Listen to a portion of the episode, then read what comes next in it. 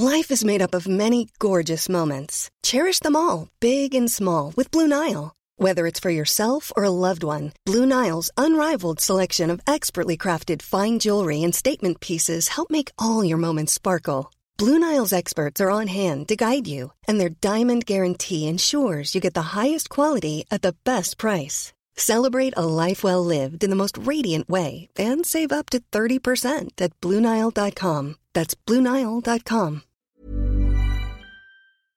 Seriepodden sponsras av 1X2.se.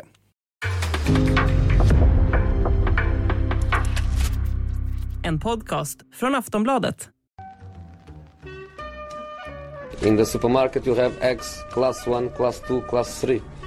And some are more expensive than others, and some give you better omelets. That's the wrong information. Wrong, wrong, wrong information. I didn't say that. That's the wrong information. Do you think I'm an idiot? Wrong, wrong, wrong information. Now look at me when I talk to you. Your job is to tell the truth. That's the wrong information. Wrong, wrong information. Sillypodden, vi har hur mycket som helst att prata om och vi är bara två idag Makoto, hur ska det här gå? Ja, får, vi får väl prata på. vi, vi, har, vi har löst det här förut. Ja, det jag tror jag att det, det ska nog gå bra. Men eh, det, finns ju inget att hålla på, det är bara att dyka rätt in. Och nu är jag ju extra taggad för att vi får prata Liverpool för första gången på Gratt, tid. ja, det är därför vi bara är två, vi måste ge dig plats för att få prata Liverpool. Vi har Liverpool, vi har Adama Traoré, då räcker det med Patrik Syk som får köra här. Så här. Jag har stekt alla andra. Ingen annan får vara med. Makoto är här på nåder för att inte jag ska hålla liksom en monolog i en och en halv timme. För att göra ett körschema. det är min uppgift. Precis. Ehm, ja men det handlar ju såklart om Luis Diaz, det är alltså colombianen som eh, spelar för Porto, har haft en alltså helt vansinnig säsong, han har gjort 14 mål på 18 matcher i eh, portugisiska ligan. Eh, var redan före den här säsongen hett eftertraktad, en eh, eh, otroligt teknisk, rivig, målfarlig vänsterytter i första hand. Det handlar om ett bud på ungefär 50 miljoner pund, eh, ja, 37,5 miljoner plus då 12,5 miljoner eh, i add-ons, 60 miljoner euro, 50 miljoner pund i den storleksordningen. Eh, Tottenham har ju jagat eh, Luis Diaz kanske eh, mest synligt i alla fall den här vintern. Det är de som har eh, varit där och dragit och ska också då ha lagt ett bud motsvarande samma summa eh, på den här spelaren. Men nu har då Liverpool klivit in och som det beskrivs kapat affären, även om Liverpool ju har jagat också Luis Diaz under, under lång tid och haft koll på honom och, och eh, har ju fina kontakter med, med Porto sen tidigare. Vi vet ju att eh, eh, Pep Linders eh, är ju gammal Porto-produkt som, som Marko tränare. Grojic, tänker jag på direkt. Ja men, eh, eh, men det med Pep Linders är ju, Mm. har ju, har väldigt täta förbindelser med, med Porto så att klubbarna har ju, har ju Eh, lite, lite kontakt så att säga eh, genom dem. Eh, och nu verkar det som att eh, det är Liverpool som är allra närmast att eh, värva honom här och till och med så här försikt, lite mer försiktiga generaler som Paul Joyce på The Times, eh, Liverpool-reporter, har varit ute och sagt att det är nära nu att, eh, att Liverpool helt enkelt värvar eh, Luis Diaz här och nu. Ja det, det ploppade ju upp där på morgonen när man vaknade så låg det en Paul Joyce-tweet, de är alltid lika roliga för de är så anonyma där med hans lilla Han har ju, han har ju ingen, han har ingen sån här blå liksom Nej, men han, har, officiell han har ingen bild på sig själv utan det är någon sån här papper med lite kludd på, jag vet inte riktigt vad det är för någonting. Nej, men men, men man vet att när man ser den där lilla, lilla anonyma tweeten i flödet, då vet man att det stämmer, för Paul Joyce är en av de mest pålitliga som finns i, i, i Ja. där borta i England, särskilt när det kommer till Liverpool-relaterade saker. Ja. Ehm, Han är, han är ju en del utav eh, Pravda-staben där som, som, som går ut med information. Han, kan, han är lite mer, han är inte riktigt ehm, eh, som de allra värsta eh, ja-sägarna runt, eh, i media runt Liverpool. Han, men, men han är ju en av de som får informationen ganska mycket ifrån klubben. Eh, så- Därav att det stämmer ju också, det är Ja. stor del. Eh, sen, sen dök ju liksom Ornstein och Athletic på ganska snabbt där också och då insåg man okej, nu är det ganska många som bara rakt av rapporterar att det här är på gång och det är alltid ett tecken på att det här faktiskt inte bara är någonting att skratta bort, att Liverpool lägger det här budet. Mm. Och det vi vet om Liverpool är att när det händer så är det, när det kommer liksom uppgifter, då är det ganska nära. Om det inte kommer uppgifter från andra länder som det gjorde runt liksom Thiago eller där uppgifterna framförallt var från Tyskland. Eh, Men när det kommer engelska uppgifter och det sägs att det är ganska nära, vi kommer ihåg eh, Fabinho till exempel, när det bara, han plötsligt bara stod där en dag, man hade inte hört någonting. Vad var det här? Salah var samma sak, man mist, alltså det, han bara dök upp. Eh, Diogo Jota, alltså det är verkligen så de jobbar, de, de gillar inte att sprida ut eller att, att eh, det ska läcka för mycket om eh, vilka spelare Fast de slänger ju ut liksom orimliga rykten på sin egen hemsida på att de sitter och länkar. Här, Ja men titta vad The Mirror har skrivit idag, så sitter de och länkar på den officiella. Det är en ganska intressant grej som de engelska, många engelska Ja. klubbar gör. Eh, Eh, Men i alla fall, alltså Luis Diaz här, Tottenham ska väl inte ha lagt lika mycket, de, de har ju fått budet nekat från Porto det tidigare, men de har ju varit igång och jagat Luis Diaz de sista dagarna här av fönstret, kanske primärt. Det var ju först nu i veckan det här Luis Diaz-spåret dök upp i Tottenham-väg, i alla fall synligt. Att Liverpool bara plötsligt kliver in här, det måste ju vara att de har ju tänkt att värva honom till sommaren. Inser, okej, vi riskerar att tappa honom till Tottenham om inte vi gör något nu. Okej, vi flyttar fram den, den här historien, den här affären till det här vinterfönstret. Vi får in en duktig spelare som kommer bredda den här truppen under våren, som kommer att bidra direkt, som kan tänka sig en rotationsroll här till en början och så vidare och se vad han, vad han går för. Eh, Och det- må- många, många undrar ju förstås vad det här innebär för den övriga fronttrion, den som är så omtalad i, i Liverpool. Eh, eh, Luis Diaz är ju i första hand en spelare som spelar till vänster. Och det, det som är så intressant med honom är att om man ska jämföra honom med en spelare så är han ju faktiskt väldigt lik Salah, alltså i sättet han spelar, han är teknisk, han är snabb, han älskar att kliva in och göra en gubbe och curla den i bortre stolpen med sin höger, alltså kliva in från vänster till höger, som Mané också har gjort, Mané har liksom eh, fler, ännu fler grejer, eller kanske skiljer sig lite grann i, i sin spelstil, eh, men han påminner rätt mycket om en, en, en högerfotad Salah. Eh, och det är ju någonting som kittlar att ha ett, liksom ett motsvarande hot på andra kanten. Eh, och det känns ju också som att det, han av den anledningen skulle fungera ganska bra i det här systemet. Eh, och varför man har tittat på honom och, och är beredda att lägga den här ändå ganska höga eh, summan på honom. Han är ju en typisk Liverpool-värvning. Alltså 25 år gammal, så han har ganska många år kvar. Eh, såklart är en ansenlig Precis summa. samma ålder som Mané var när han kom i, som Salah var när han kom i, som Firmino var när han kom i. Alltså, De, de är, han är en fullfjädrat proffs, det är inte bara en talang, men det är samtidigt en spelare du har ganska många år kvar du kan få ut, få ut något bra av. I det här fallet så ska ju Porto ha ju satt en ganska hög prislapp, men de har ju förhandlat ner det till att acceptera då någon form av deal, det här som Liverpool då uppges erbjuda, det vill säga 37,5 plus 12,5. Eller vad det nu exakt blir. Men eh, det är ju en värd investering för att vi har ju pratat om att de behöver just en ny spelare på den positionen, att om inte annat för att bredda Luis Diaz med tanke på att han ändå spelat i Porto nu, han kommer inte gå in och kräva att han ska starta varenda match. Nu får du en ganska bra övergångsfas här när han får komma in och rotera med Salah, Mané och så vidare. Eh, Du kan dessutom då med gott samvete kanske släppa Minamino eller Origi i slutet av det här fönstret till någon annan klubb. Det har vi pratat om lite intresse kring Minamino bland annat till Leeds har man sett eh, noteras här runt liksom i flödet. Ja. Origi ryktas det ungefär 25 klubbar per fönster utan att gå någonstans.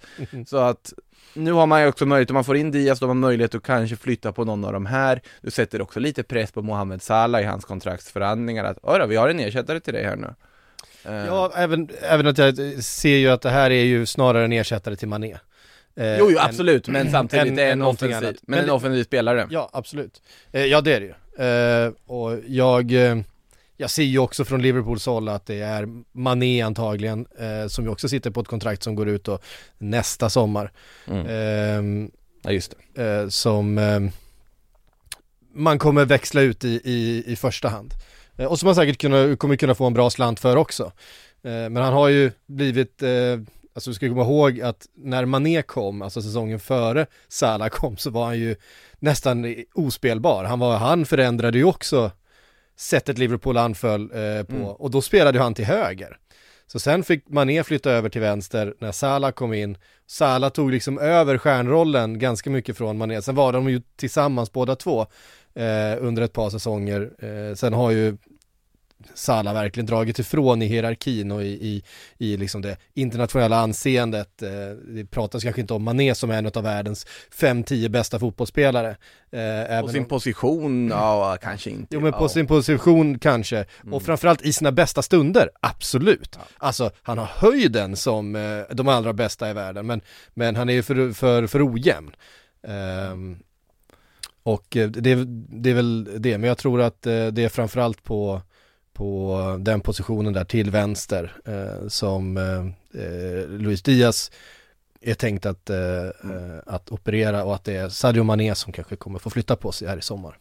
Men det är ju längre fram, tills vidare har man ju bara breddat en position man faktiskt har funderat över. Det är väl centralmittfältet man ska diskutera också, men där finns det ju många egen, egenfostrade alternativ och så vidare så att Sen har, sen har faktiskt Luis Diaz också spelat eh, liksom till vänster i ett 4-4-2, alltså mer en utpräglad Mm. winger eh, och då inte som anfallare eh, på samma sätt som man spelar, man spelar på Manés position, utan kanske spelar då eh, ja, jag tror inte han kommer spela mittfält för Liverpool för att det handlar väldigt mycket om att vara, vara ett understöd till, till och ytterbackar och, framförallt anfallare. kommer inte Liverpool spela 4-4-2. Nej det kommer de inte göra. det, det, vi, kan ju, vi kan ju liksom bränna den direkt men Mm. Jag tycker det är en, det är en smart värvning, en bra värvning, en ganska väntad värvning när man ändå tänker på alltihopa och de har ändå följt honom i flera år och har koll på honom och sen jag tror att anledningen till att de ger sig in nu, de hade nog inte tänkt göra det. Men det är ju för att Tottenham plötsligt var så pass långt komna i de här förhandlingarna och då var det plötsligt att nu, nu måste vi slå till. Så frågan är om det var Tottenham som försökte kapa Liverpools planerade värvning egentligen i grunden. Oavsett så är det ju blev historien nu att det är Liverpool som kapar Tottenhams planerade värvning så att eh, men det är ju inte den enda värvningen som Tottenham har fått kapade på sista tiden. Eh, det har inte varit en rolig, eh, roliga dagar för de som har Tottenham-sympatier kan man ju säga i alla fall. Um, nej, alltså det är ju, det är inte första gången det här händer Tottenham. Det Nej, finns nog ingen klubb som har blivit, alltså i alla fall beskrivet som att en, eh, att en transfer har liksom kapats av någon annan. Det brukar vara Chelsea som gör det, eh, när de kapar en, en transfer från Tottenham.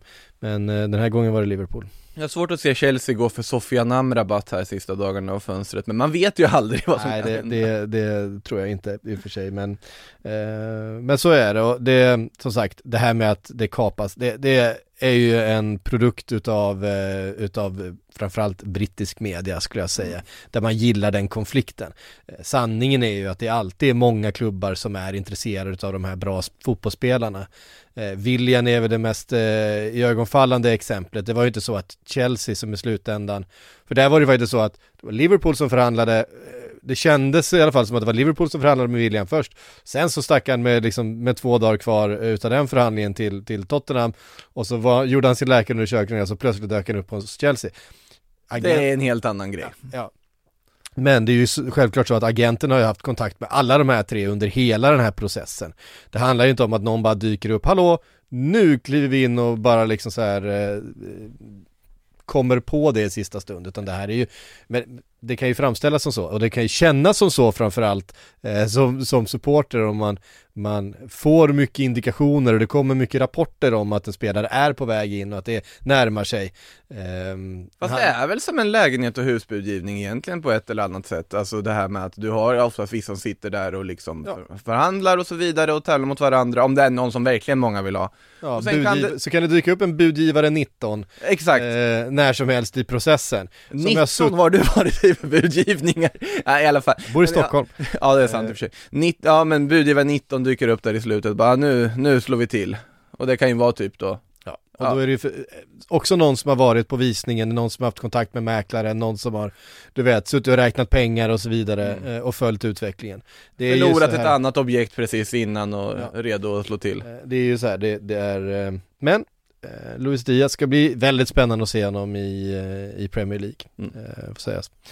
Ehm, och på tal om Tottenham, Adama Traoré, som man också, ehm, ja, kände som att eh, det här kunde vara Eh, kunde vara på gång, eh, klar för Barcelona på lån. Det här var ju på gång, alltså Mm. Tottenham, de höll ju på att förhandla och man hade nästan räknat hem att Traoré skulle dit, men sen var det på något sätt Traoré själv som alltså enligt uppgifter då har ändå hållit på det här. För att han visste, det finns en möjlighet att Barcelona ger sig in i det här. Och han verkligen ville hem till Barcelona som, alltså första val. Och visst gav sig Barcelona in i det här, mycket hade att göra med Även om det har sagts från spanskt håll att det här är frikopplat från Osman Dembélé-historien så har det väl också haft att göra med att Barcelona måste inse, okej kommer vi ha råd att registrera honom? Finns det, vad finns det för möjligheter? Vad kommer det att påverka resten av vårt transferfönster? Och så vidare. Men nu verkar det ju vara klart att han ska göra läkarundersökning i Spanien idag. Eh, det gick på ett dygn i princip bara på, från uppgifter att Barcelona nu på allvar gett sig in i det till att eh, Wolverhampton accepterar och när man ser siffrorna då förstår man varför Wolverhampton accepterar det tycker jag. För att det här, de ville ju ha, det pratades ju om runt 25-26 miljoner euro som de ville ha från Tottenham, kanske till och med mer, när man diskuterade. Nu får de istället ett halvårslån eh, plus då en köpoption efter det här lånet som ligger på 30 miljoner euro. Mm. Och då får de ju mer i transfersumma, där man Traoré har ett kontrakt som går ut 2023. Man kan fråga sig varför Barcelona gått med på den köpoptionen eh, sett till marknadsvärdet de har satt för en värvning nu, men Barcelona har inte råd att lägga de pengarna nu. Så då flyttar man det till sommaren. Eh, man får Adama Traoré ett halvår här och eh, han verkar jätte, jätteglad att komma hem. Ja, alltså, det, för han kom ju hem liksom. Han, var, han är ju en La Masia-produkt och, och, eh, och det är klart, alltså, varje gång Adama Traoré rör bollen så känner man, är det nu det händer? Eh, och det är ju liksom så här, alltså den här miljön, man är så här, en ny, ny klubb, han kommer hem, eh, han mår antagligen väldigt bra, eh, han ser ju fysiskt väldigt, väldigt eh, i fin form ut. Han Inte bara att han har stora muskler. Han väger ju dubbelt så mycket som när han lämnade Barcelona. Alltså han var ju lite tanigare på den tiden. Han är inte så tanig nu. Nej, nej, det, det är han inte. Eh, men, men, men jag tycker han har sett ganska bra ut i Wolverhampton senaste tiden. Eh, han har faktiskt gjort mål. Det var ju en millimeter offside som eh, gjorde att han faktiskt eh, hindrade honom från att göra sitt andra mål på två raka matcher. Eh, och har ju han har ju spetsegenskaper som ingen annan fotbollsspelare i världen har. Han har ju en snabbhet och en styrka som ingen kan mäta sig med. Det är ju bara så. Eh, Det finns ingen som är lika snabb som Adama Traoré. Alltså, är, ni kan frå, fråga alla ytterbackar i, i världen som har mött honom. Jag minns när, när han spelade wingback, och jag har pratat om det här förut, och Raheem Sterling som också är rätt snabb, Mm. eh, ställdes en mot en mot Adama Traoré. Eh, och Traoré var då wingback och eh, Sterling gjorde som man brukar, han petade och sprang. Och det blev alltså inte ens, det blev alltså inte ens en, en tackling, det blev inte ens en duell. För att Adama Traoré var två meter före honom till bollen på, på den liksom 20 metern som han petade ner den. Och Sterling stod bara och kliade sig i huvudet, han hade aldrig, alltså det, det var uppenbart att han aldrig varit med om något liknande. Sen att Adama Traoré ofta springer åt fel håll, eh, jättesnabbt, vid fel tillfälle, jättesnabbt, det är ju liksom en annan sak. Men det är ju, det är ju kul, det är ju, det är ju kul med spelare som, eh, som har något som verkligen ingen annan har. Alltså jag är lite intresserad vart exakt de har tänkt att få in honom i laget. Jag gissar på att i Barcelonas fall att han kommer ingå i då fronttrion. Att man kan använda honom som högerytter, du kommer använda Ferran som nia. Mm. Förutsatt att du inte värvar Alvaro Morata då här på deadline. Alternativt Anders Traoré till vänster är också ett alternativ vi skulle kunna tänka sig. Han behöver ju spela på en kant där det finns ytor. Eh, Ja, någon av dem kan positioner, det lär ju inte vara ytterback han ska spela, för jag tror inte att de ska byta ut Dani Alves mot honom, utan det är ju som en offensiv ytter. Det kan jag också ha, ett, ha med det att göra, för att i Contes fall, då vill han snarare göra om honom till en wingback. Det var ganska tydligt att han vill ha en ersättare till, ja, han är inte nöjd med Emerson Royal, han är inte nöjd med Doherty, ville ha Adama Traoré där istället då för att få offensiv kraft på det här viset. Nu, i Barcelona får han ju en mycket mer offensiv roll, för han, Osman Dembélé kommer inte spela en minut fotboll i Barcelona igen. Eh, För de verkar ju inte förlänga, även om de nu möts igen. Nu agenterna har ju ändå träffat Xavi och de har varit i diskussioner. Men de diskussionerna verkar snarare ha lett till att nu Osman Dembélé kan tänka sig lämna Barcelona innan fönstret. Eh, det, det kommer bli så spännande att följa det här på deadline, det att det inte finns för övrigt. också, en, också en kille med spring i benen. Absolut, det är, en- det är en helt annan typ de får i Traoré, det är en helt annan, Ja, ja, alltså- helt, helt annan form av spelare. Och Jag vet inte hur han skulle funka i Barcelona riktigt, men det blir väldigt spännande att se i alla fall.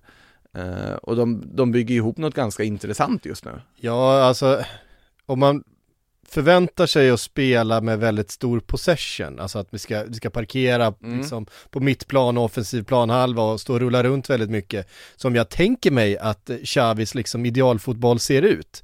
eh, Då är ju Adama Traoré helt fel egentligen. Han är ju en omställningsspelare och en, en genombrottsspelare.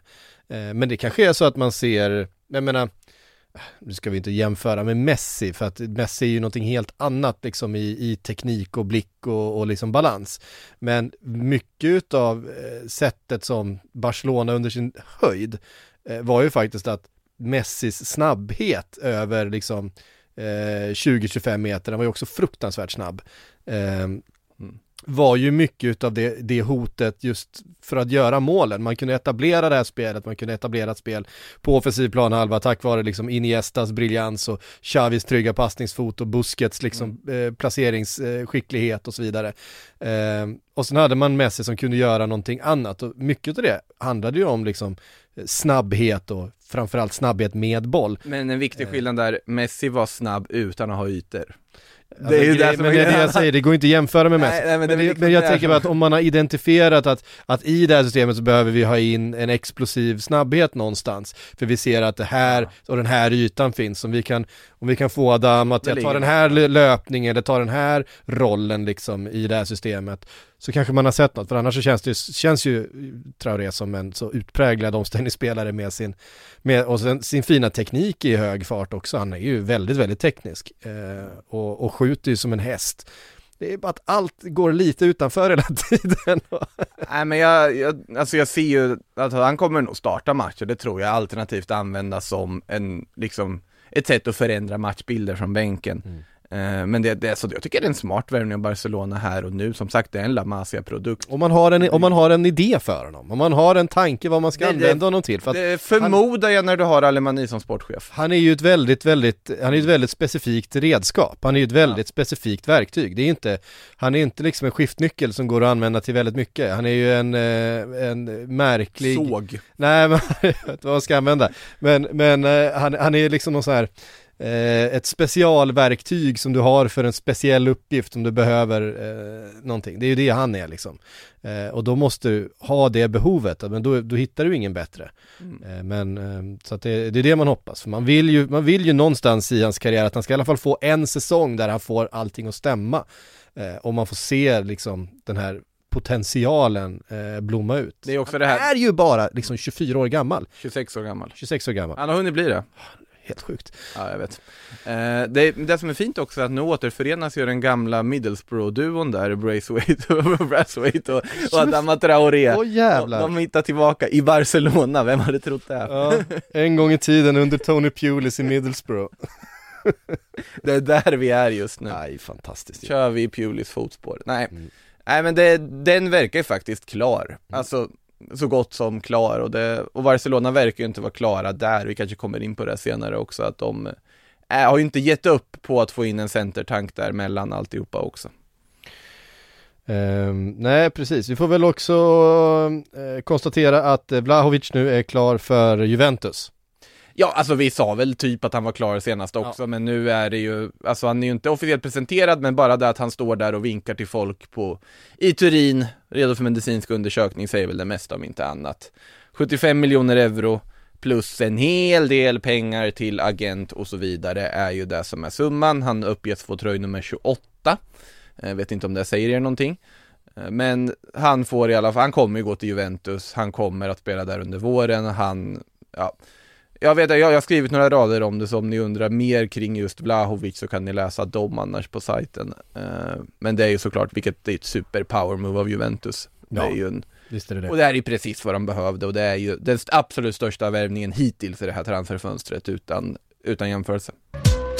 That's the wrong information. Sillypodden är den här veckan sponsrad utav 1X2.se och med i vanlig ordning Andreas Nord. Hej på dig! Tjenare Patrik, hur är läget? Jo men det är fint, nu går vi in i ett litet uppehåll här men det är mycket, mycket silly och till helgen så blir det mycket Championship, mycket fokus i alla fall på Stryktipset eh, och det har, ni, har ju ni koll på eh, som ju ger speltips och rek.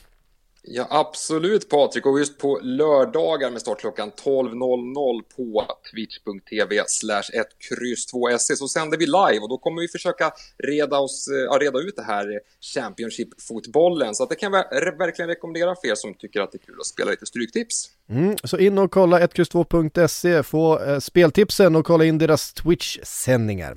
Så eh, in på 1x2.se.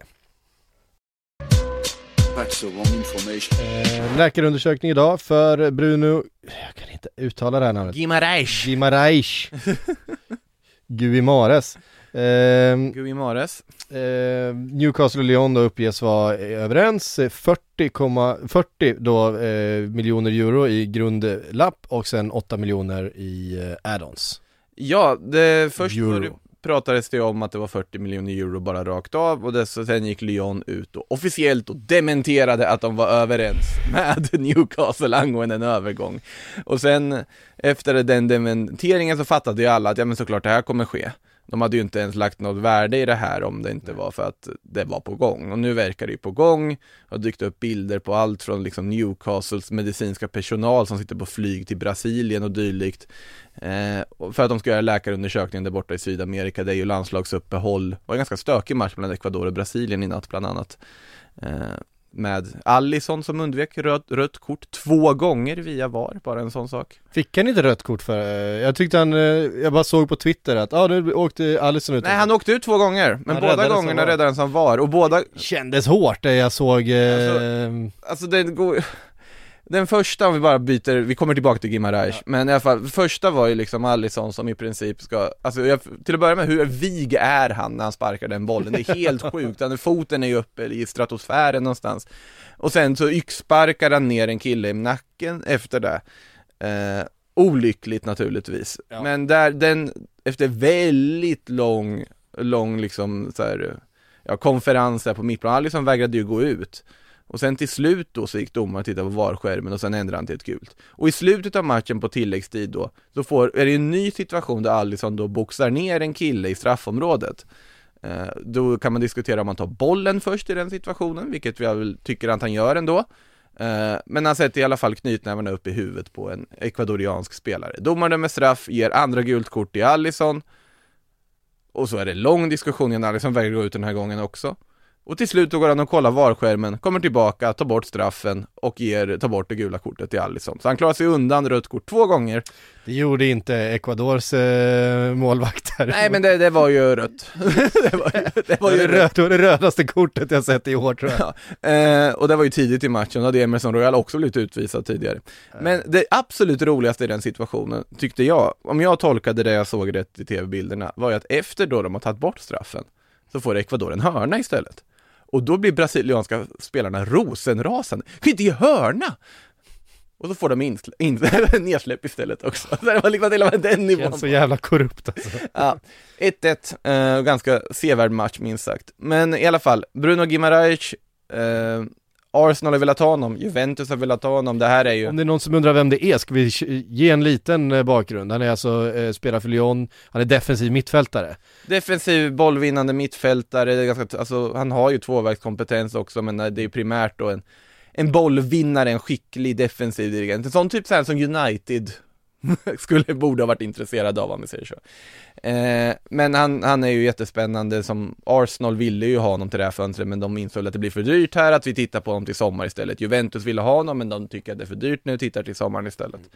Men nu är det alltså Newcastle som kliver in och han verkar ju gå med på den övergången. Antar, Eh. vi gissar att det finns en nedflyttningsklausul i, i eh, kontraktet. Borde ju finnas, men 24, 24 år gammal, det är ju ett, det är ett kanonnamn för Newcastle att börja bygga på, alltså att bygga där, där är det absolut uh, tyngsta värvningen de har gjort hittills. Ja. Eh, med all respekt till Kieran Trippier Ja. och all respekt till Chris Woods egentliga vikt.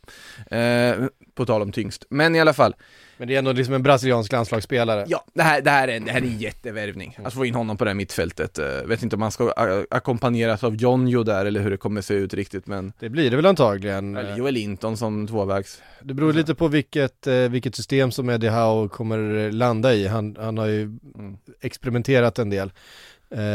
Men alltså, känner jag Eddie Howe rätt så vill han spela rätt offensivt.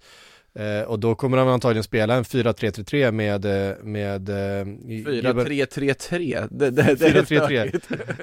med, med eh, Gimarais och sen två åttor, men, men ganska liksom tvåvägsåttor, alltså typ John Joe Shelby och ehm, Longstaff eller, eh, alltså spela, alltså Joel Linton eller Longstaff eller någon kommer gå Eller ja, tänker du Almiron typ? Joe Willock Ja, också. just det, Willock har vi också. Ehm, han, har inte fått, han har inte varit bra eh, i år, men, men John Joe i alla fall som, som också har liksom Mm. defensiva kvaliteter och sen då spela med eh, med eh, eh, Sen Maximan på en kant där uppe och, och Oavsett är det här en, alltså det är en supervärvning av Newcastle tycker jag. Och det, nu visar de lite vilka muskler de faktiskt sitter. Sen har vi fortfarande den här mittbackselefanten i rummet där, att de, de måste få in en mittback fortfarande.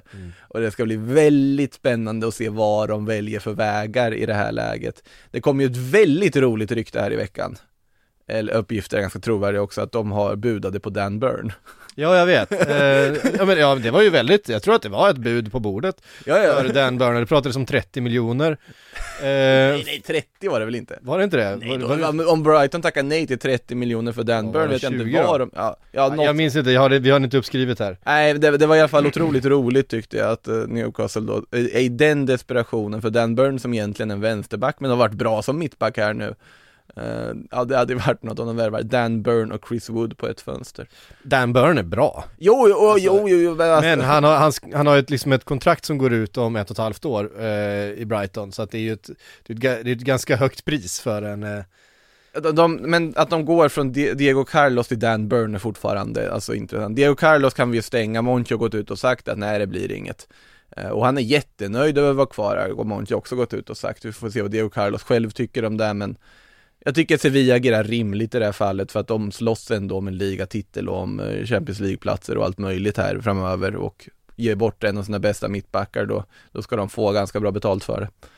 Eh, Men Newcastle behöver fortfarande en mittback, men Guimaraes, då har de löst ett av problemen. Ganska bra. Ehm, eh, det ska sägas att de har ju tittat också på, på Nat Phillips i Liverpool, eh, Newcastle.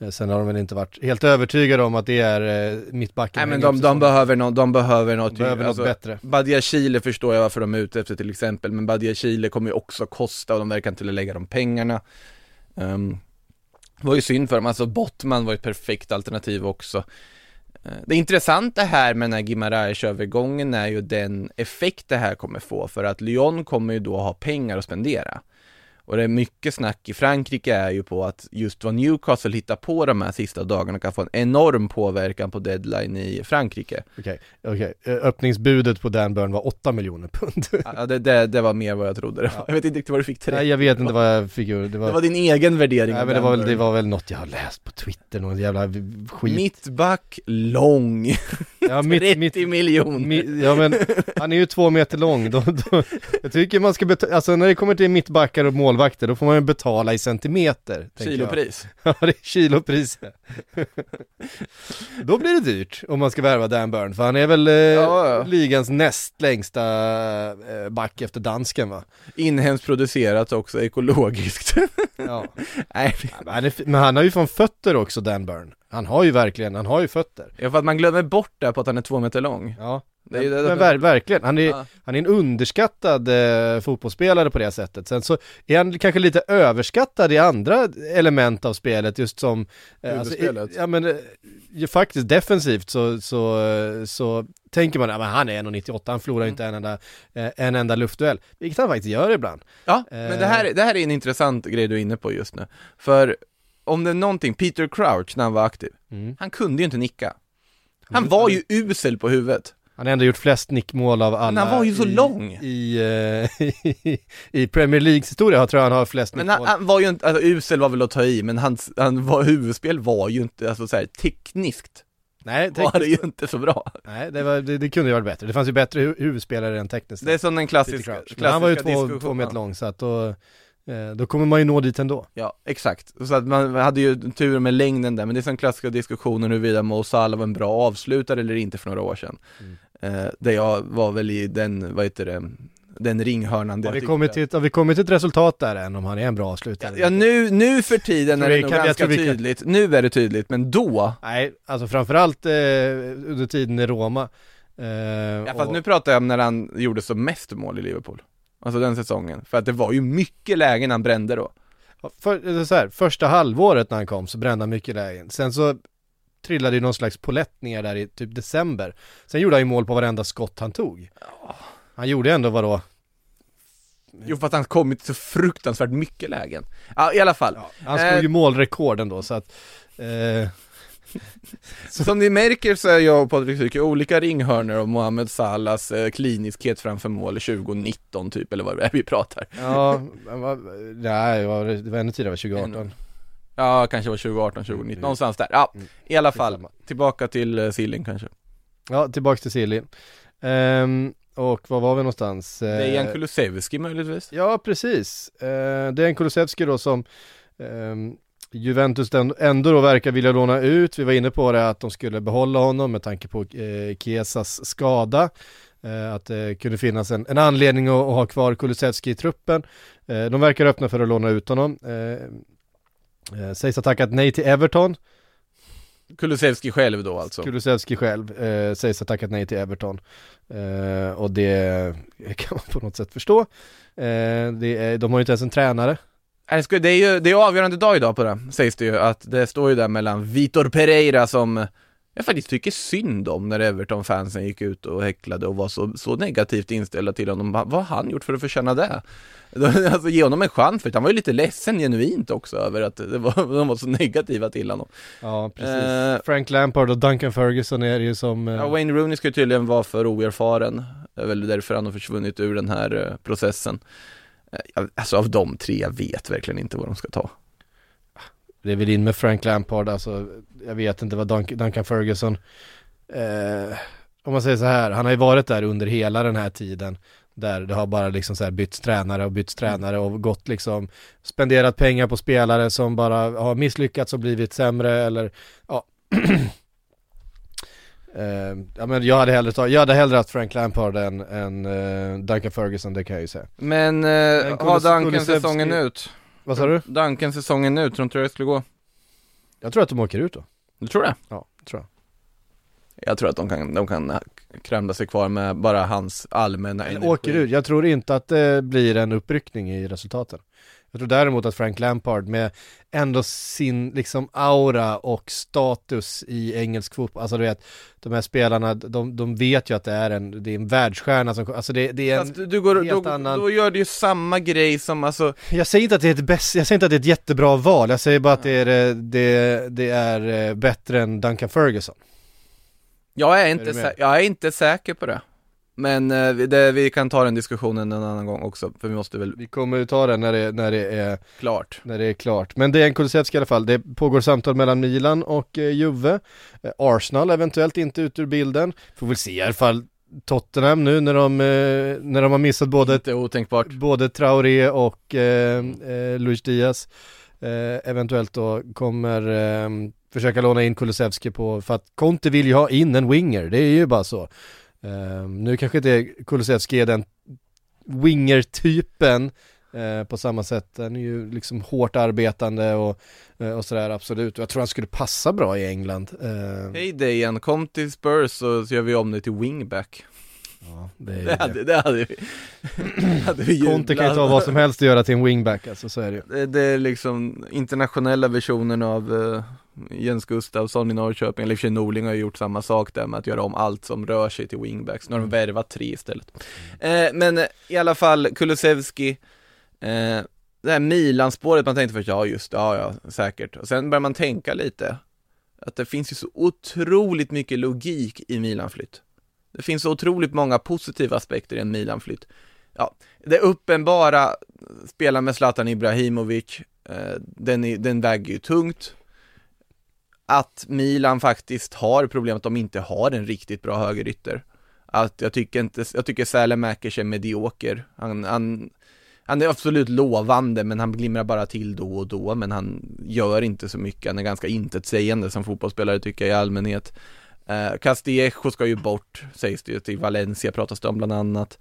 Eh, De har ingen tydlig högerytter. De har Leao till vänster, de har Zlatan eller Giroud centralt och så har de en lucka där. Och Kulusevski skulle nog passa väldigt bra i den luckan. Han kanske inte har riktigt den speeden som man kanske hade önskat sig att ha på den kanten, men samtidigt med hans, alltså smartness på planen och så vidare. Det är en jätte, jättesmart lösning. Han kan ligan, så vi vet att han kan leverera i Serie A. Jag tycker det är en kanonlösning. Eh, problemet här, de ska ju ha varit i diskussioner sägs det ju från flera italienska mediehåll, eh, men att det som då är hindret just nu är den klausul som Juventus vill ha, för Juventus verkar ju faktiskt också vilja öppna för en försäljning vid det här lånet. Men Juventus vill ha en ganska hög klausul, alltså köp, köpoption då, eh, i samband med slutet av lånet där Milan inte vill sätta en sån prislapp på en sån spelare där. Så de diskussionerna pågår. Samtidigt ska Juventus vara tveksamma till om de verkligen vill låna ut en direkt konkurrent om CL-platserna. Eh, av förklarliga skäl och då gärna titta på utländska anbud. De ska inte ha gett upp. De vill ju fortfarande försöka, vet inte riktigt hur, men de vill det. Arsenal sägs ju fortfarande vara intresserade för att de har ju också tappat ett namn i form av Dusan Blahovic och måste göra någonting nu. Samtidigt som hela Artur-historien har stagnerat fullkomligt. Um, så, men det verkar som att Dejan Kulusevski kommer flytta på sig på ett eller annat sätt. Frågan är vilka klubbar det blir som är aktuella då och det blir väldigt spännande att följa. Ja, det är spännande helg här överhuvudtaget, för nu är det mycket, nu är det mycket, det här är mer än vad, vad, trodde, vad, ja. vad, vad, vi trodde för några dagar sedan och vad som brukar vara vid det här sk- eller skedet i ett vinterfönster. För att om det händer något i ett vinterfönster, vad har vi för stora övergångar som vi kan inte tillbaka på, jag minns eh, Fernando Torres. Fernando Torres, men såhär Julian Draxler, även till PSG, det var ju en jättevärvning då. Eh, Van Dijk till Liverpool, det är ändå grejer som hände ganska tidigt i, eh, Mm. i, i vinterfönstren som har varit på gång under ett tag och man eh, Alltså om Ferran Torres hade varit den största så hade man inte förvånats. Nej, jag menar Kieran Trippier, Ferran Torres eh, Det är ändå saker som hände relativt tidigt i, eh, i, eh, i fönstret och nu sitter vi här med liksom eh, flera stycken stora potentiella, men, ja, men vi har Vlahovic, det är nu med vadå, fyra dagar kvar till deadline, tre dagar kvar till deadline. Eh, vi har Luis Diaz, vi har eventuellt Kulusevski, vi har Alltså det vi framförallt har är Arsenal och Tottenham som har gått på spår som de inte har lyckats alltså fullfölja. Och ett läge där de sitter, okej, vad ska vi göra nu? Och det kan locka fram ganska spännande saker. Juventus sitter i ett läge där, okej, nu flyttade vi fram hela vår liksom sommarbudget till vintern. Vad ska vi göra för att liksom faktiskt finansiera det här?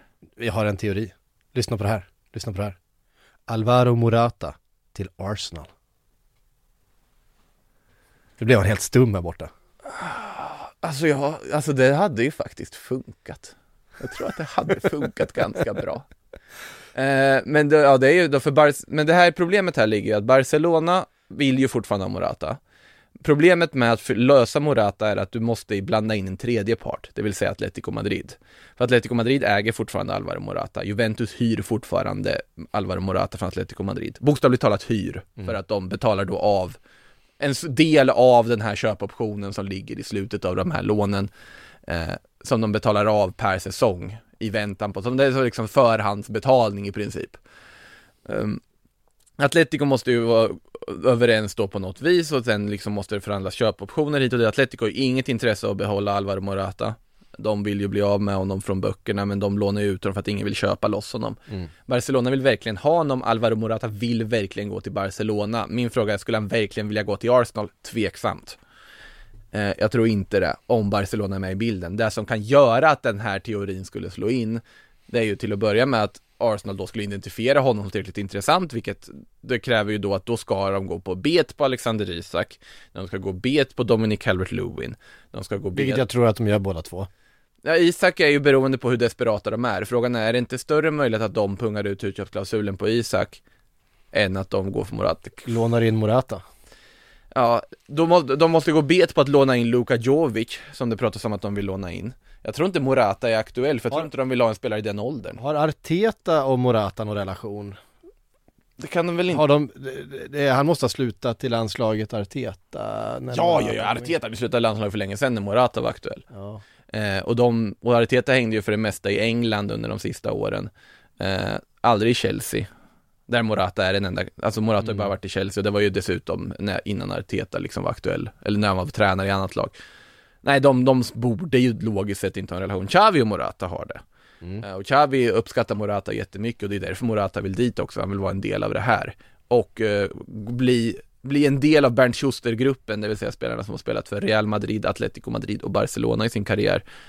Eh, det är väl Bernt Schuster och no, max någon spelare till som har gjort det. Nej, det är, det är intressant alltså det som om Alltså jag tycker inte det har varit dumt med Morata i Arsenal. Men jag tror inte det kommer kunna ske. Jag tror att Barcelona kommer pusha för det här in i det sista på något sätt och lösa det. Men allting här har också att göra med Osman Dembélé. För Osman Dembélé, där, där är det ju låst fortfarande, man vet inte. Det dök ju upp eh, fantastisk journalistik av El Chiringuito för övrigt när de hade då lyckats zooma in, zooma in vad heter det, telefonen på, vad heter det, Dembélés agent, Moussa Sissokos telefon, och de har zoomat in med så här superzoom och sett det stod Leonardo PSG som hade ringt upp. Uh, och det frågan om han, agenten hade planterat det såklart i telefonen när kameran var framme för att bygga på rykten om att PSG är på gång eller inte. Men PSG är ett alternativ. Jag tror att det finns andra lag som panikartat kan tänka sig att plocka Dembélé och det ska bli intressant att se när inget händer, när han inser att oj, jag vill inte förlänga det här kontraktet men jag vill inte heller sitta på läktaren eller bara sitta och spela tv-spel en vår, vilket inte heller ska uteslutas hos man Dembélé vill. Eh, då kan det bli desperation. Då kan ett lag som Newcastle säga, men kom hit ett halvår då. Får du lite speltid. Får vi se vad som händer sen. Mm. Då är inte det otänkbart. Men, men det har ju också mycket, för Barcelona måste ju bli av med honom för att göra utrymme för att göra annat. Jag tror att de behöver göra det för att överhuvudtaget kunna lösa Morata. Och Morata är en komplicerad process i och med att det är så många aktörer inblandade. Samtidigt är Juventus fullt upptagna med att de av någon oklar anledning vill göra om sitt mittfält. Mm. Eh, för sig så jag tycker att de har varit i behov av att göra om sitt mittfält, men kanske inte på det här sättet de planerar att göra det nu med att då Artur kan gå till Arsenal fortfarande även om det är tveksamt om de kommer få igenom det baserat på längden på lån och så vidare. Rodrigo Betancourt sägs ju vara på väg till Aston Villa. Vilket vore helt sjukt, Vilket, vad, vad är det för fönster Aston Villa gör i sådana Callum fall? Chambers också nu, officiellt. Den kom från ingenstans. Ja. Ja, det, jag vet inte riktigt vad de ska göra men för de har ju redan Mings, eh, Konsa, House. Ska Chambers som de fjärde val där då? För jag tycker inte han går före någon av de tre. Nej det tycker inte jag heller, jag, jag är inte, jag sitter inte i Callum Chambers båten Nej, jag den, den är, man, man kan väl gilla Callum Chambers men jag vet inte riktigt vad de, Aston Villa ska med honom till. Eh, men de vill ju ha Betancourt, den är mycket mer rimlig. Där, om Betancourt, Den båten kan jag sätta mig Ja, den är, kommer ju också, nu, nu är det ju liksom dominoeffekten. Om Betancourt kommer, då är plötsligt Douglas Lewis up for grabs. Som Arsenal också är intresserade av. Eh, om Betancourt går, då kommer Juventus att försöka värva, och det sägs ju att de sitter på standby då med Dennis Zakaria från Gladbach. Eh, och av någon anledning, även om jag älskar honom, så är han inte bra nog för att spela i Juventus. Nahitan Nandes i Cagliari. Och jag, jag har suttit och hyllat Nahitan Nandes när Cagliari värvade honom i den här podden, det var Babylona som var med också, vi satt ju och pratade Cagliari för några år sedan. Mm. Men varför, varför ska Juventus ha honom? De, de försvagar sitt mittfält. Och det är väl det som är fara med Vlahovic-värvningen nu, att de verkar ju urholka resten av truppen för att ha råd med det här. Om de byter Betancourt mot Nandes så tar de med en uruguayan och ersätter honom med en sämre uruguayan och en äldre uruguayan. Det är- konstiga saker de sker just nu, men det, det här fönstret är inte över, så mycket kan vi säga Nej, det är i alla inte. fall.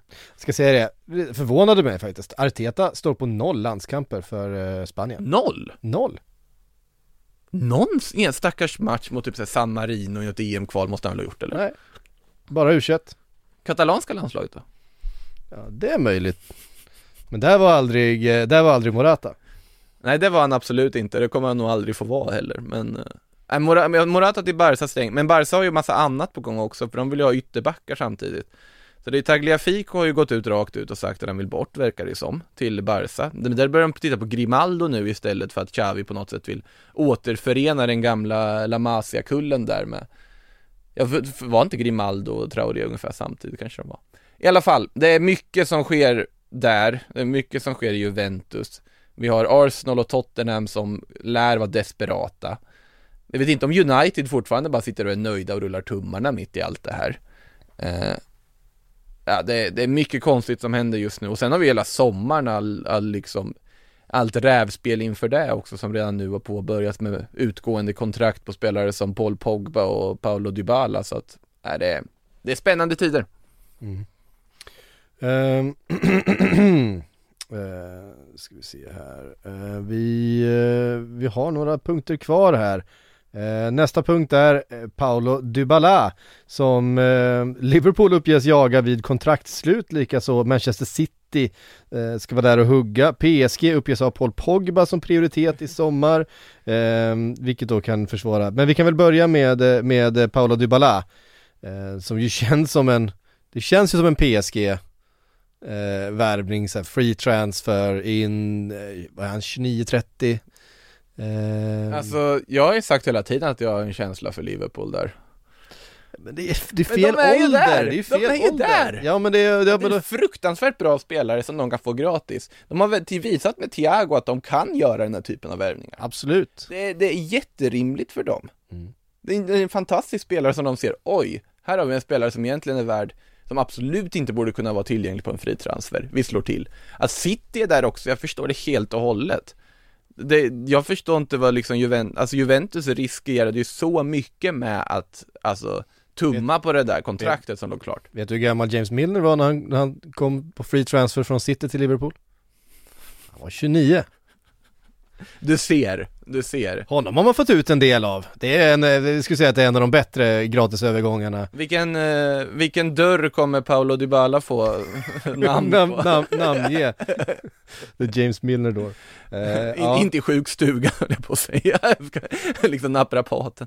Nej men eh, det är ju det som att skade, skadehistoriken är väl det som skrämmer upp lite och men man märker när han spelar för Juventus att han har ju så otrolig skicklighet. De spelar ju på en potatisåker mot Milan med ett Juventus där som var uppenbart inte hade något intresse av att vinna den fotbollsmatchen.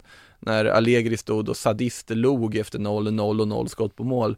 Så var det liksom, Dybala hade gjort massa briljanta saker på den här potatisåkern till plan de spelar på.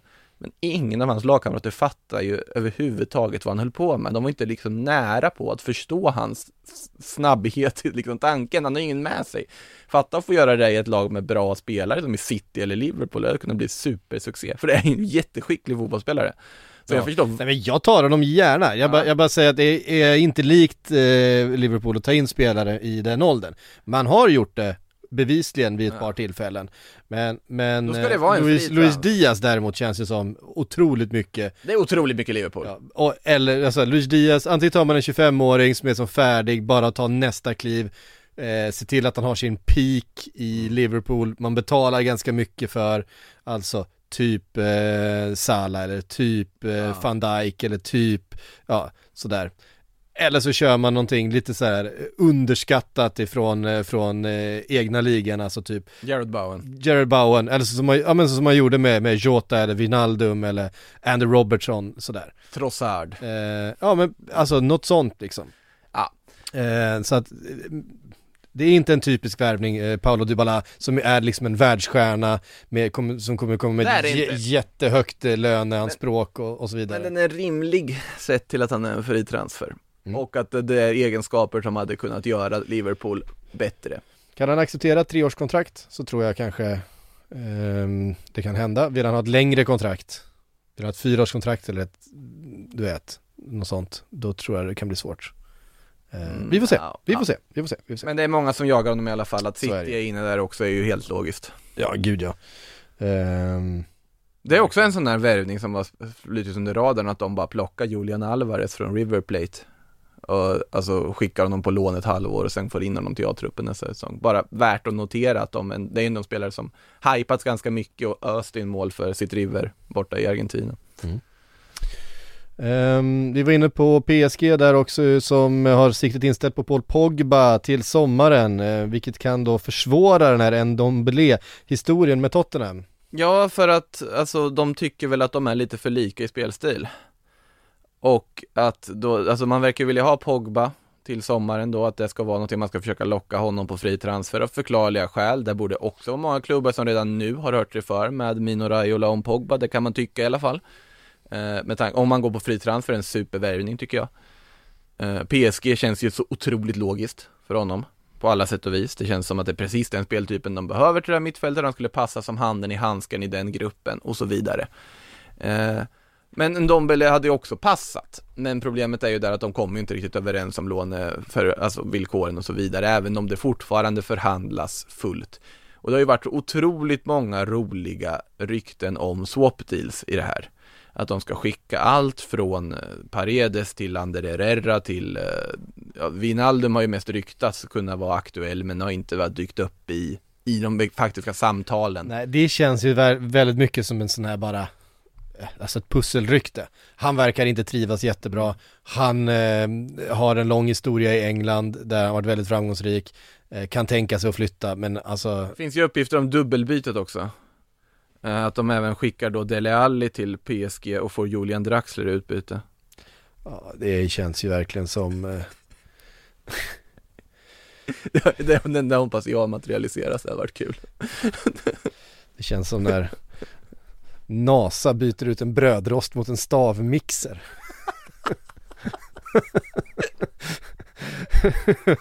Vad- ska PSG med Dele Alli att göra? Ja, de ville ju ha honom för blott ett år sedan och då kändes det ju jätterimligt. Eller knappt då kändes det ju- rimligt i och för sig, men Nej. Alltså men PSG har gjort konstiga värvningar förr. Alltså, Kom ihåg att alltså Ander Herrera har faktiskt varit ganska lyckad och den satt vi och undrade vad de höll på med. Nu vill de i och för sig byta bort Ander Herrera, men samtidigt, de, de gör lite udda mittfältsvärvningar och sånt, för de måste ju hitta på något annat för att kunna finansiera allt annat påvitt de, de gör. Så är det ju. Och de ska väl antagligen gå för Osman Dembélé innan eh, fönstret stänger också, försöka förhandla fram det här med Barcelona på något sätt. Nej men alltså när de värvade Ghana, Guy, eh, Idrissa, jag kan aldrig reda ut det namnet. Idrissa Gana Gueye. Idrissa Gana Gueye från Everton liksom och stoppade in honom rätt in på mittfältet. Det var också udda. Ja, men de, de gör udda saker. Rabiot var ju udda en gång i tiden också när han dök upp. Eh, Det får man säga. Eh, vi eh, konstaterar att ehm, eh, Real Madrid då kontaktat Monaco angående Au- Aurelien Ch- Chouameni. Chou- Chouameni. Eh, huvudscouten har åkt till Monaco, bara en sån sak. Jag, jag Vad förstår ska, vad ska Real med honom att göra? Jag vet inte riktigt, det är väl någon sorts vice Casemiro de letar då med Vice Casemiros vet vi inte blir så långlivade i Real Madrid för att Casemiro alltid spelar. Och han blir aldrig utvisad heller för att han är så bra på att undvika ett andra gula kort. Eh, vilket är ett problem för de som är bakom. Nej men, alltså en jättespännande spelare. Det är ju en supergenombrottman som varit alldeles strålande i Monaco den här säsongen. Det är ju väldigt mycket snack om Chelsea med Chouameni också. Och här pratar vi ju en ganska komplett mittfältare, bra på det mesta. Eh, duktig bollvinnare, duktig bolltransportör. Han, han har ju det mesta i liksom boken. Han är fortfarande väldigt ung. Eh, tror han är 21, men jag kan ha fel här. Du sitter med en dator så du kan ju titta. Eh, Chouameni i alla fall, nej det kommer ju snackas jättemycket om till sommaren. Och jag tror att Chelsea som sagt är jätteintresserade också. Real Madrid vill väl vill väl ändå ha koll på läget ifall de nu skulle vilja värva in en in i mittfältare till och jag vet inte riktigt varför de skulle vilja det i dagsläget men 22 ja. 22, ja men då var jag inte så långt ifrån i alla fall. Han, fyll, ja, han, han, fyll, han fyller 22 idag. Ja, vad sjukt! Grattis Aurelien! Han fyller 22 idag. Eh, så var det med det. ja då var jag ju rätt på 21 då. Ett Gratt- tag. Ja men grej, Om jag, om jag grattis, spelat in igår så grattis säger vi då. Grattis till Chouameni. ja. ja. nej men det är en, eh, det är en jätte, jättefin mittfältare så det kommer nog många klubbar som är intresserade av honom. Eh, Och Chelsea-fansen som undrat om honom borde ju vara Hoppas på en sån värvning för jag tycker det är en spelare som är Som är strålande och jag tycker han skulle vara ett bra komplement till det Förlåt, igår, det är jag som inte har koll på datumen här i, i eh, Han fyllde år igår igår, det fyllde, var ju inte- igår fyllde han ja, 22. Grattis i efterskott Ja, Aurelien grattis Chouameni i efterskott. Det var inte lika roligt Nej, Nej. fan också. Eh, besviken. Kolla aldrig en bra story Nej, precis. Nej, men det är lika bra för att det är alltid någon, eh, våra lyssnare är så jävla på tårna va, så att eh, Och du tror inte redan vi redan har sagt någonting som de kommer på? Gud ja, men man, får ju, man måste ju inte fylla på den där eh, säcken med faktafel som, eh, som man ändå blir kollad på. Eh, eh, ehm, ja, eh, nu ska vi se här, eh, kom jag av mig helt och hållet. Ehm, vi skulle säga något om eh, Sofian Amrabat och förhandlingarna där, eh, Fiorentinas mittfältare. Han lär väl eh, sannolikt då hamna i Juventus i och med att eh, nu Tottenham jagar honom och är långt komna i förhandlingarna så lär väl någon annan klubb gå in och hugga honom naturligtvis innan fönstret stänger. Nej, skämt åsido så Amrabat verkar ju vara det mest tydliga spåret just nu för Tottenham men det har väl mycket att göra Ja, de med. spelar afrikanska nu eller? Amrabat har spelat afrikanska, nu är inte jag rak koll på huruvida Marocko är kvar i turneringen eller inte i sittande stund. Eh, men Amrabat är där och spelar. Och det, alltså det är en duktig mittfältare, alltså så här, tvåvägsmittfältare, relativt snabb, har sina, alltså mångsidig, nyttig. Sen vet jag inte, alltså det är väl en bra värvning för att bredda för Tottenhams del. Det är väl lite så jag ser det. Eh, men det har ju mycket att göra med om man blir av med Lo Celso eller en Dombele och så vidare i slutet av fönstret. Det som jag tycker är mer alarmerande är att de behöver ju faktiskt få in en ny, ny högerytter eller någon offensiv kraft på så vis och där borde de jaga och pusha nu. Vilket de har gjort men missat på de mål de har haft. Conte borde ju vara ganska irriterad just nu på att Paratici inte har lyckats eh, dra någonting i hamnen för nu är vi bara några dagar bort. Det pratas om att de skulle ha tre värvningar, de har gjort noll hittills. Så att det lär, Tottenham lär försöka och Tottenham lär bli desperata under de sista dagarna av det här fönstret. Eh, Så att det, det ska bli väldigt spännande att följa. Nu har det börjat trassla in lite off, off, vad heter det? officiella övergångar lite överallt också, andra ställen. Mm. Ska vi bara ta en snabb eh, genomgång? Eh, Det är några som är ganska roliga där. ja men eh, Gåsens eh, till Inter. Från Atalanta. jättebra värvning. Ja verkligen. Eh, och de behöver en vänster Vänsterwinger tycker jag, Perisic har kommit i åren, de får rotation på honom, Gossen ska ju in rakt in i det där laget och har ju varit jättebra för Atalanta. Har haft skadeproblem här nu under hösten och är borta en stund men äh, det är en supervärvning av Inter. Mm. Ja verkligen, alltså jag gillar Gåsens jättemycket. Mm. Tycker Nej, jag tycker en, den är en kan- kanonvärvning faktiskt. Eh, Daniel Vass till eh, Atletico Madrid från Valencia. Också ett smart värvning tycker jag, Daniel Vass som, alltså är så mångsidig, han kan spela på vilken position som helst. Atletico får in en spelare som man vet kommer vara supernyttig, som, man ta, som tar jobbet, som är lite rivig eh, och får honom otroligt billigt. Jag vet inte ens, minns inte exakt vad summan var, men den är låg i alla fall. Den är så här Valencia-låg när det kommer till Valencia-försäljningar. Eh, ja hur säger man det här förnamnet? Moriba Ja, säger vi. Elias Moriba, Elias. ja men det här är det som är det roligaste. Eh, Elias Moriba, spelaren som kan ha i konkurrens med Osman Dembélé den absolut sämsta rådgivningen som går att ha. Eh, han skulle ju förlänga med Barcelona då i, ja det var ju förra, i somras. Eh, men han satte helt hutlösa krav. Var ju inte ens nära. Och då var det bara, ja, du, även om du är en La Masia-produkt, även om du har slagit igenom och gjort några A-lagsmatcher, dra. Det här finns inte på kartan att vi går med på. Han hamnade i Leipzig, vilket kändes som en spännande liksom val. Leipzig har varit katastrofalt för honom, han har inte fått någon speltid överhuvudtaget i princip. Och nu ska han alltså tillbaka till Spanien och han ska till Valencia. Och det intressanta här är att det sägs ju ha gjort tränare Bordalas arg. För Bordalas ska inte ens ha velat ha Moriba, utan det har då kommit från något annat håll i Valencia-ledningen, sägs det. Så att det här är en värvning då som har skett utan att då, alltså tränare Bordalas har velat ha honom och då är det som vanligt i Valencia just nu och eh, Elijah Moriba som har bör, påbörjat en väg till en karriär som jag mycket väl kan tänka mig blir en flyttfågelaktig karriär. Skulle inte förvåna mig om man har tio klubbar på CVt inom loppet av, ja säg tio år till. Vi, eh, hade vi något mer officiell där? Ja, Marko Lasetic till eh, Milan från Röda Stjärnan. Honom vet jag ingenting om. Man, alltså en ung 18-årig striker från eh, ja, Röda Stjärnan kommer in och får Får skolas av Zlatan Ibrahimovic, bara en sån sak, men det är ju en värvning för framtiden om inte annat. Och Milan brukar ju pricka dem där ganska bra tycker jag, när man hittar lite udda namn som man kanske inte har sett på radarn tidigare. De är ganska duktig scoutingverksamhet, i mitt tycke i alla fall. Japp. Vi eh, svarar lite, frå- lite frågor här innan vi knyter ihop för eh, idag och tar helg. Ehm, vilket betyg får eh, Paratici för sina två fönster?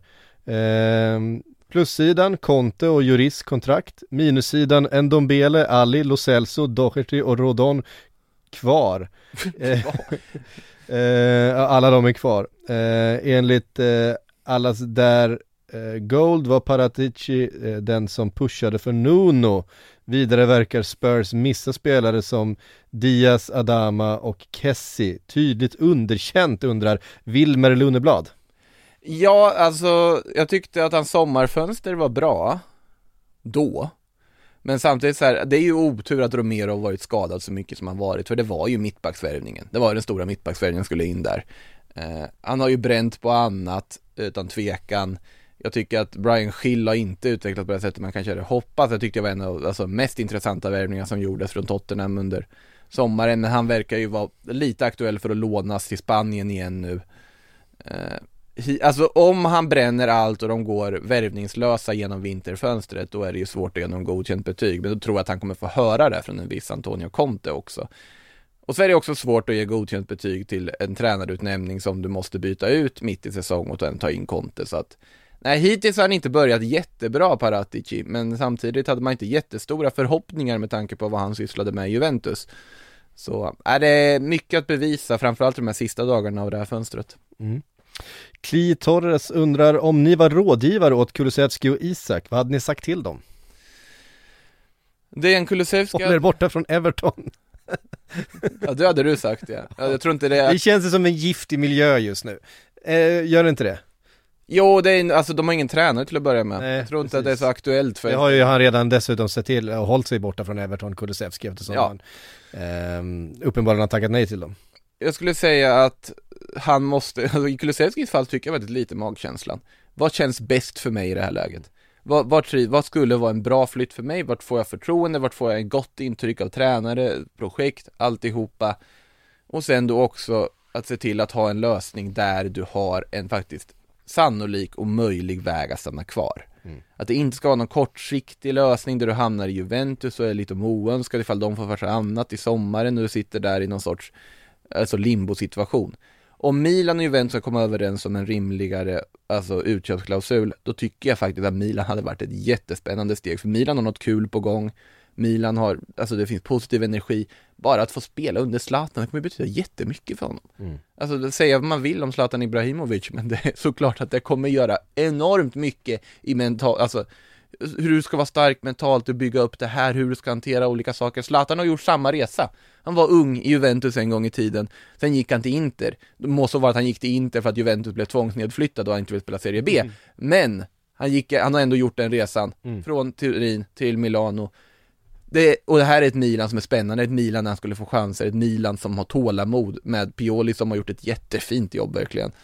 Eh, om Milan går så tycker jag att det låter mycket mer spännande än både Arsenal och Tottenham och där det pratats om för hans egen utveckling. För att Serie A är en liga som passar honom uppenbarligen. Ja, absolut. Och det som är, det som är spännande just för Kulusevski är att eh, framförallt hade eh, rå- rådet honom till att gå, till att lämna, att få speltid. För att oavsett om det blir eh, Milan, eh, Arsenal eller Tottenham så tror jag att han kommer få mycket speltid i de här lagen. Jag tror att han får, kommer få spela fotboll, han kommer få ett stort förtroende. Och det är ju precis vad han behöver. Ehm, Han är så pass ung fortfarande att det finns egentligen ingen stress heller, men samtidigt, det är tydligt nu att Allegri inte ser honom som, att ingå i planerna. När Allegri väljer att någon så här alibi-byta in honom i, på övertid mot Milan i en 0-0 match, det säger allt. Varför har inte han kastats in tidigare i den här matchen? Varför får han inte ens möjlighet att försöka förändra? Absolut, när han fick chansen mot Sampdoria, han tog den inte.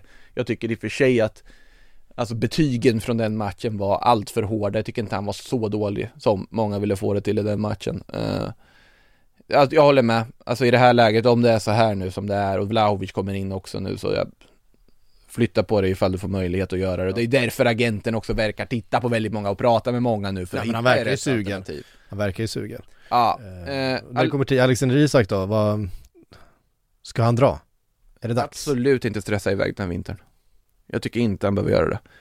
Har inte haft en super, eh, superhöst ändå? Nej, Eh, men det här, just nu, problemet för Alexander Isak just nu, om, om vi leker med tanken att han då skulle vilja flytta, vilket jag tror inte han vill ens, jag tror inte han bryr sig just nu. Han, han trivs jättebra i Real Sociedad.